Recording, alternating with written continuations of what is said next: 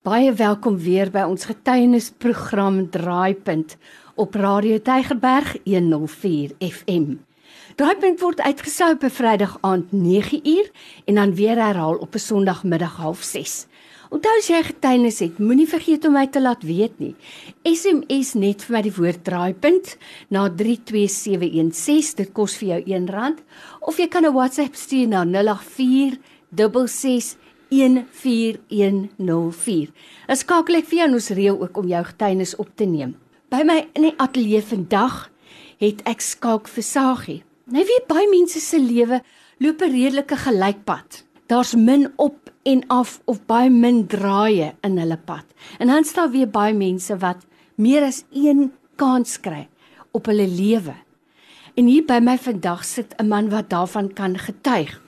So skalk, ek wil net vir jou sê ek is so bly dat jy moeite gedoen het om in te kom. Ons sukkel al lank om by mekaar uit te kom, maar hier is jy nou uiteindelik vandag. Ek weet daar was meer as een geval waar jy al moes dood gewees het, maar die Here gee vir jou elke keer nog 'n kans.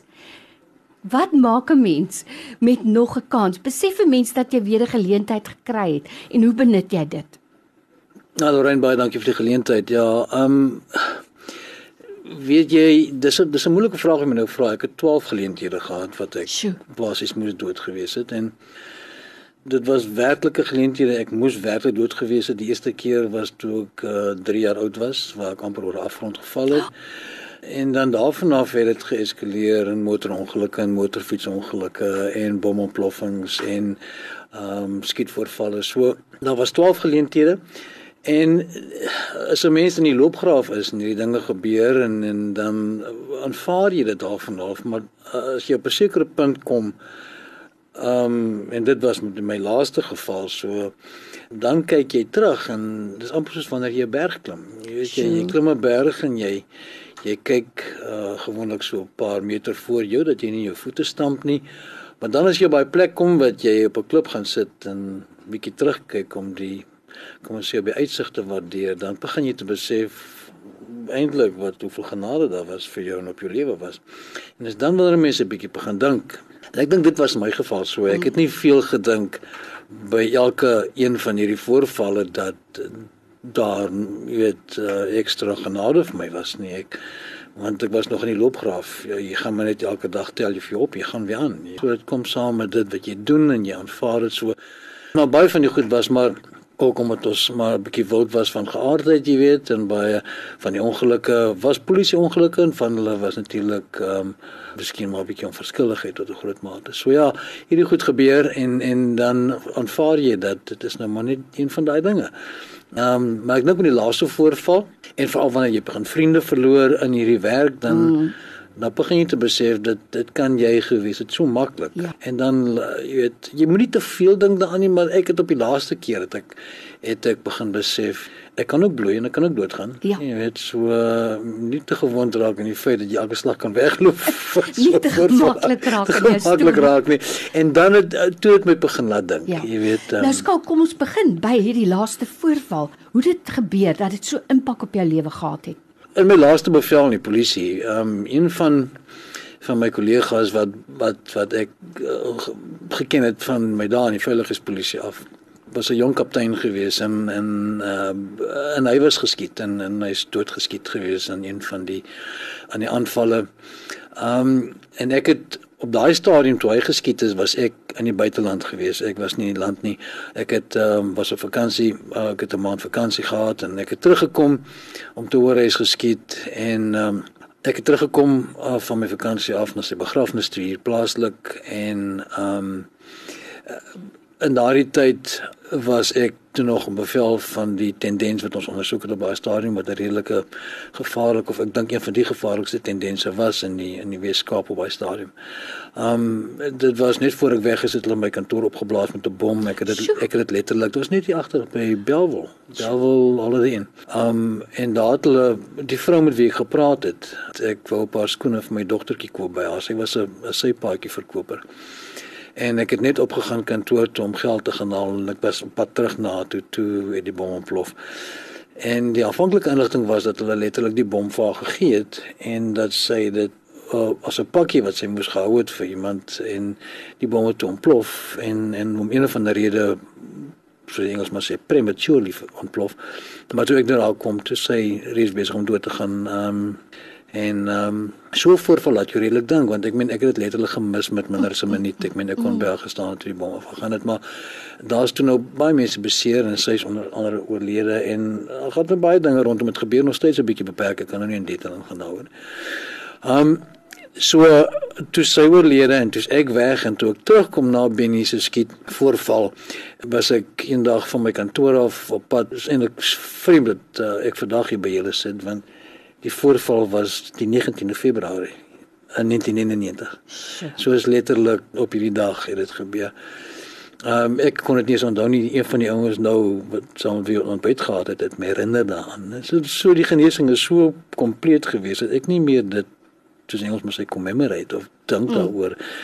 Ja, en so en so lig nie. So dit het my gevolg van die kantoor af ehm um, en op Black River Parkway ehm um, het hulle langs my kar ingetrek en die skuifdeur van die kombi oopgemaak en begin skiet op my en hulle het ehm um, alle 53 skote geskiet en ek dink 27 is deur die kar en uh, vyf het my geslaan.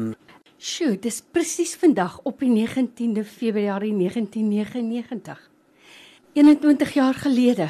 So jou mondigwording na hierdie voorval. Ek kan nog die koerantopskrifte en alles hmm. onthou rondom die hmm. gebeure. Hmm. Dit was regtig 'n groot saak gewees. Nou dat jy kan terugkyk met die wysheid van insig, nê? Hoe impakteer dit 'n mens?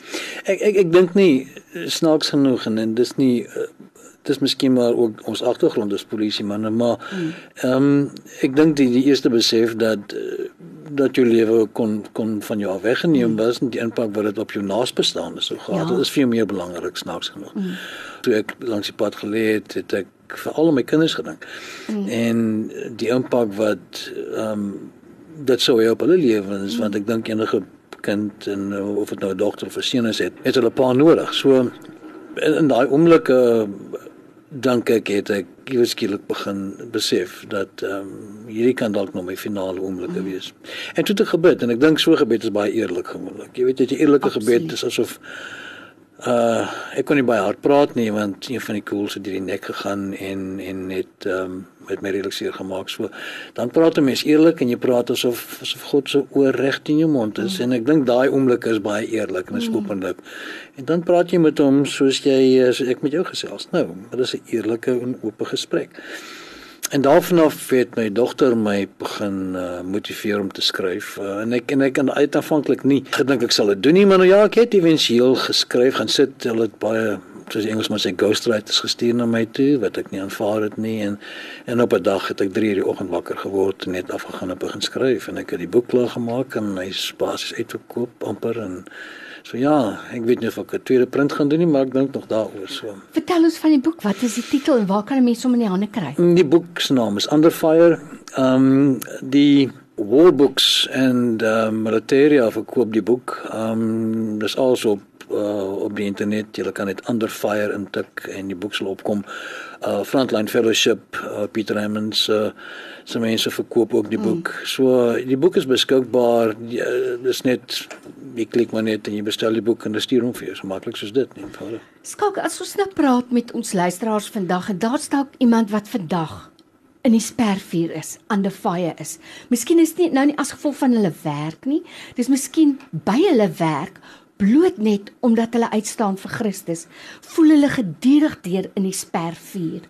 Hoe motiveer 'n mens so 'n persoon? Watse raad het jy? Ek dink om te praat is een ding, maar ek dink voorbeelde is gewoonlik meer sprekend. Hoe jy jou lewe lewe en hoe jy jouself dra en hoe jy jouself oorbring selfs onder druk en wanneer daar spanning is, hoe jy jou mense onder jou hanteer en hoe jy met hulle werk. Um wanneer hulle sien daar's iets anders, dis dan wanneer jy gevra word en ek ek, ek dink dis dis vir my baie belangriker om te sien hoe jy jouself as 'n persoon dra as wat dit is om heeldag te loop en praat uh, daaroor, jy weet. Jy sê belangrike ding. Ek meen immers in 2 Petrus staan daar wees altyd gereed om 'n antwoord te gee. Hmm. Dis 'n groter getuienis as om te loop en preek. Ek stem 100% daarmee saam. Reg aan die einde van die boek en met die skrywe van die boek, die finale uh, hoofstuk in die boek het ek um, klaar gemaak en ek het hom voorgelê aan my dogter en aan die familie en alles was tevrede met die met die finale. Maar snaaks genoeg het gevoel daar's net iets in die boek wat nog nie wat nog nie klaar is nie. Ek het dit net in my siel gevoel. Een van die die typesetters, die ouens wat nou die boek uiteensit met die fotos, hulle kom toe na my toe en vra vir my, "Het jy nog die klere waarin jy geskiet was?"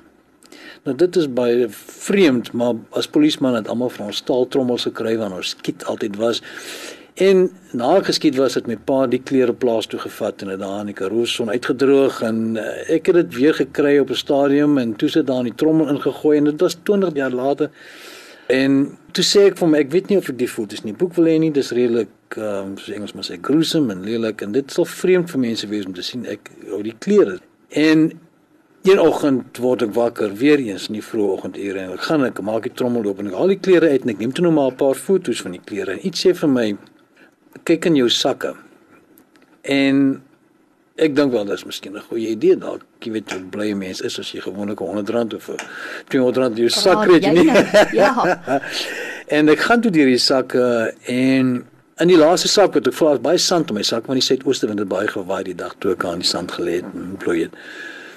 Maar in een van die sakke kry ek toe nou ek voel daar's iets en ek dink toe nou dis dalk 'n 'n noot of iets en ek haal dit uit. En toe sit 'n briefie wat my dogter Shanna vir my geskryf het. Sy was 'n jong meisietjie van 3 jaar. En nou jy weet hoe lyk 'n baba briefie, dis net maar prentjies van kykies en goedjies wat sy vir my gegee die oggend voor ek uit is. Ek het nie geweet dis in my sak nie, maar toe ek die brief omdraai, toe staan daar iets getik wat sy nie kon weet nie, want sy kon nie lees nie. Sy het dit vir my gegee. En daai oomblik, daai oggend het ek die antwoord op die vraag gekry van hoekom. Hoekom het dit met my gebeur? Die vraag is beantwoord deur 'n briefie wat aan my gegee was deur 'n 3-jarige kind en daai antwoord was in my sak gewees toe ek geleem bloei het langs die pad.